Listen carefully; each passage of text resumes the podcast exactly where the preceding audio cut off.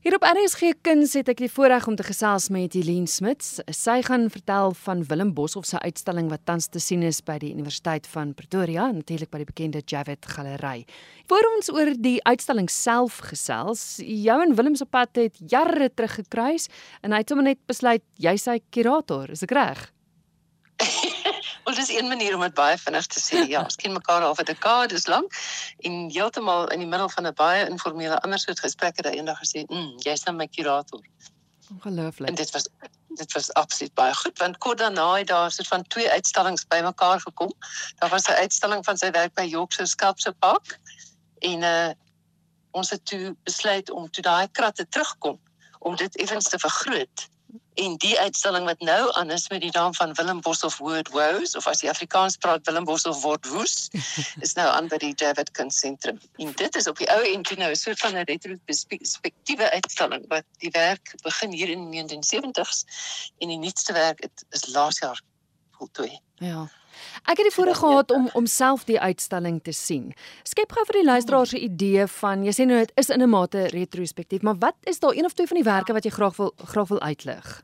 Wel, miskien wat interessant is is as jy dink Johan Meiburg het vir ons 'n openingsrede gedoen op 'n heerlike opening die 13de Maart verlede jaar met geweldige klomp mense en hy het kies toe twee werke om uit te lig. Die een is 'n werk met die naam van Bangboek wat kom uit die 1970s uit.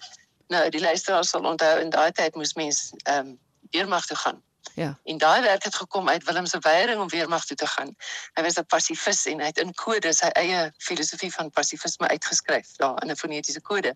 En Johan verwys daarna en hy verwys toe ook na werk wat letterlik vroeg verlede jaar klaar gemaak is, maar waaraan Willem vir 10 jaar gewerk het. En dit is 'n werk in Afrikaans, maar met die titel The Death of Afrikaans.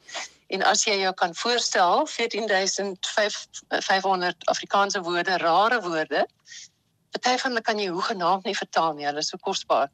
En hulle is is geets in vyf granietblokke wat teen die muur oploop. Lyk baie soos 'n monument. Mm. En hy het hulle met die hand met sy op op sy komputer natuurlik maar met die hand het hy die uitleg gedoen dat hulle perfek inpas. En daar en weet jy mense kom staan en begin glimlag want dis 'n mooi Afrikaans woorde wat nou 'n bietjie skaars raak. So die verwysing Death of Afrikaans is nie 'n politieke stelling in die geval nie, dis meer 'n kwessie van praat hierdie taal, jy weet anders gaan hy doodgaan.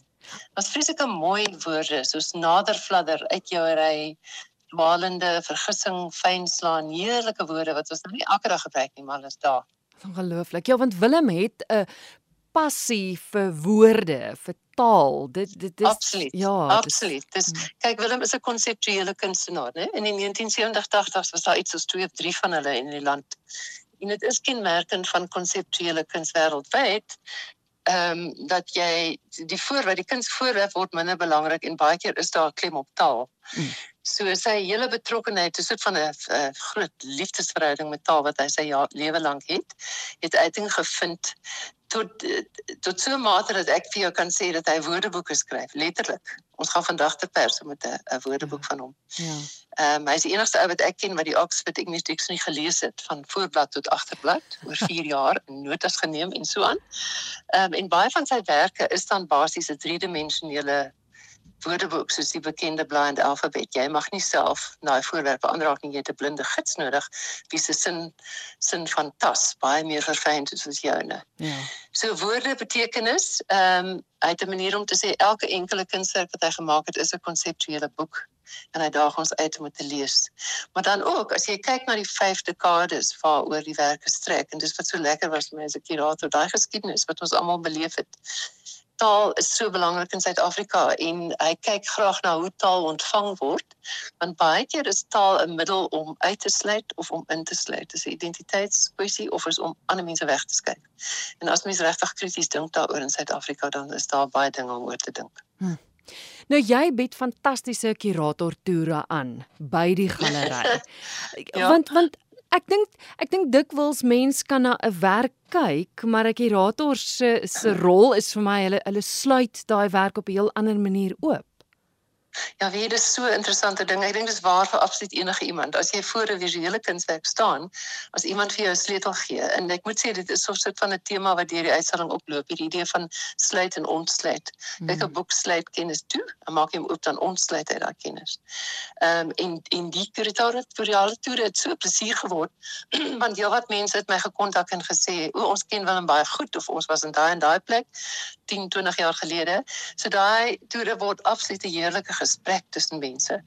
En jong, ek het daar gestaan vir 3 ure al. Daar was uh, mense wat van die Kaap af opgevlieg het. Ons het so lekker gesels. Toe ek wist nie so 3 ure later.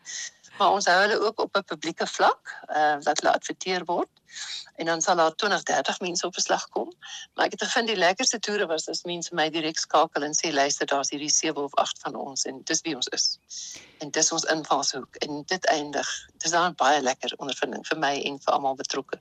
Kan kan ons sommer dadelik die die e-posadres gee hoe mense met jou in verbinding kan tree spesifiek vir die kuratortoere? Ja. Kom ons maak so as hulle as hulle so wil maak, as iemand my direk wil skakel is my naam letterlik ehm um, helenesmiths@gmail.com en dan weten dit as mense belangstel in publieke toere by die Javid Kunstsentrum natuurlik bookings@javidup.art so bookings een woord dan 'n dan j a v e t t u p dan 'n punt en dan art bookings@javitup.art.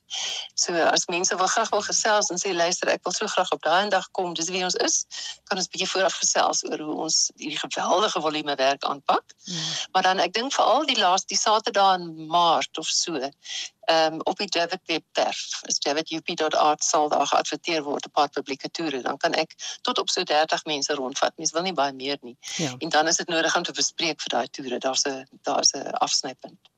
Maar die uitstalling word ook aanlyn beskikbaar gestel?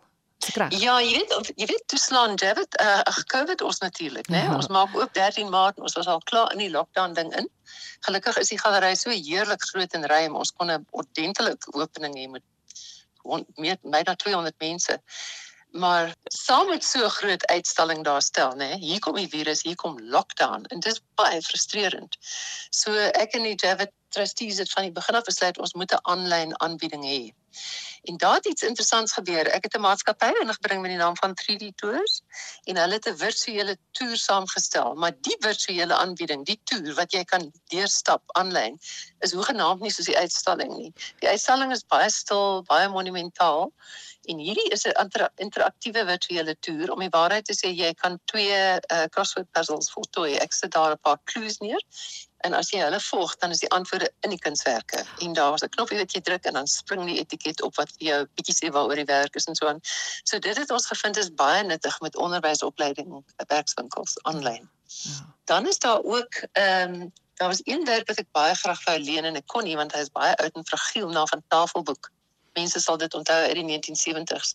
Dit is 'n 'n beeldhouwerk wat as jy hom toemaak lyk hy soos 'n tafel. Jy kan dit hom gebruik vir 'n koffietafel as jy hom oopmaak werk van splinters aan mekaar gesit, lyk dit soos heelbrau. En dis waar die jong Willem Boshoff gewoon het daai tyd. So aanlyn is daar so 5 minute filmpie van Willem wat spreek tot hierdie kunswerk. Baie interessant om die volwasse kunstenaar te hê wat terugkyk na daai tyd. Daar's 'n ander filmpie met 'n klein werkie met naam van Cubus, Cube wat jy in jou hand kan hou. En daai twee speel albei met die stad as metafoor van van ons menslike bestaan. En daarmee saam is daar twee strykkwartet opvoerings. Daar's 'n jong uh new music komponis met naam van Jaco Meyer. En hy het baie keer al komposisies gemaak direk geïnspireer deur spesifieke kunswerke van Willem. Want die twee kom saam en hulle praat konseptuele musiek, konseptuele kuns. So ons het 'n strykkwartet wat in die uitstaalruimte twee komposisies speel, een oor tafelboek en een oor kubus. En ons het ook eendag ehm uh, daar's 'n klompie konkrete visuele gedigte op die uitstalling en ons het eendag 'n musiekopvoering gehou saam met Jaco Meyer. En die is alles op ons aanlyn. As jy gaan javitup.art en jy soek na die Willem Boshoff viewing room, dan sal jy daai dinge daar vind dis 'n wonderlike skatkis, nie net die viewing room nie, maar Willem se webwerf self. Ek weet ek het so 'n bietjie daar ja. gaan rondkrap en als in in, ja. in baie van die webwerf. Ja. ja, ja hoe hoe kom jy die grootste wat ek ooit gesien het? Ja. Ja, hoe kom luisteraars want ek weet daar's 'n klomp video's. Daar is 'n klomp 'n um, klankgrepe. Daar daar's regtig Ja. Hoe kom hulle daarbey uit? As jy letterlik gaan en jy tik in willemborshoff.com, willem www.willemborshoff.com, sal jy sien die webwerf maak oop en dan is daar baie opsies bo-aan en die een wat ek voorstel dat mense onmiddellik na toe gaan, is een wat sê artworks. Mm. Want Willem Boshoff is een van die min mense wat regtig onderhoudend en baie goed skryf oor sy eie werk. En al sy werk is daar. Jy sien 'n klein ikoon, hier is die werk, klik daarop en maak oop, want jy so 'n bladsy van Willem Bos of wat klink of hy skerps met jou. En skielik hier teen die derde paragraaf, daar's die konsep en hy het jou. Hmm. So gerus kan kan luisteraars daarna kyk. Ehm um, in die uitstalling self, iets baie spesiaal wat hulle na kan kom kyk, is ons het onlangs twee nuwe dokumentêre films oor Willem gemaak, spesifiek oor die druide ehm um, performance werk. Ja. Willem Boshoff Big Druid Man of Trees. Een speel af in sy huis Atelier Tuin, die ander speel af rondom sy ehm um, sy land art by Nairok Sculpture Park. Nou die twee films het ons onlangs vrygestel. Daar was so 'n venster, 'n aanlyn venster van 2 dae. Maar daai films gaan nou die hele tyd beskikbaar wees op 'n skerm in die uitstalling van na eerskomende Vrydag af. Ja, ek het die, ek het die voorreg gehad om daai twee films te kon sien. En en ek wil ek wil jy sê want dit is nie op sy webwerf te sien nie. Dis nêrens eintlik te sien behalwe by die by die uitstalling. Dis vars, dis hot of the press, jy sien. Hmm. Daai films gaan beslis op sy webwerf verskyn, maar alles letterlik nou net vrygestel. Ja. So as mense onmiddellik wil kyk, sou ek sê kom na hierdie Vrydag na die galery toe. Ehm um, en dan hulle sal op allerlei ander maniere steeds nog vrygestel word. Uh Guy Spiller was die direkteur en hy het die mooiste films gemaak en ek ek wil ook 'n bietjie kyk na internasionale filmfeeste en so aan ook. Jy weet, daai twee films is geskep as 'n persoonlike gesprek met die kunstenaar. So dis net Willem wat praat. So Willem wat praat oor sy hele filosofie, eintlik oor al sy kuns. En dit gee vir mense daai onmiddellike kontak wat so spesiaal is veral in 'n tyd van lockdown.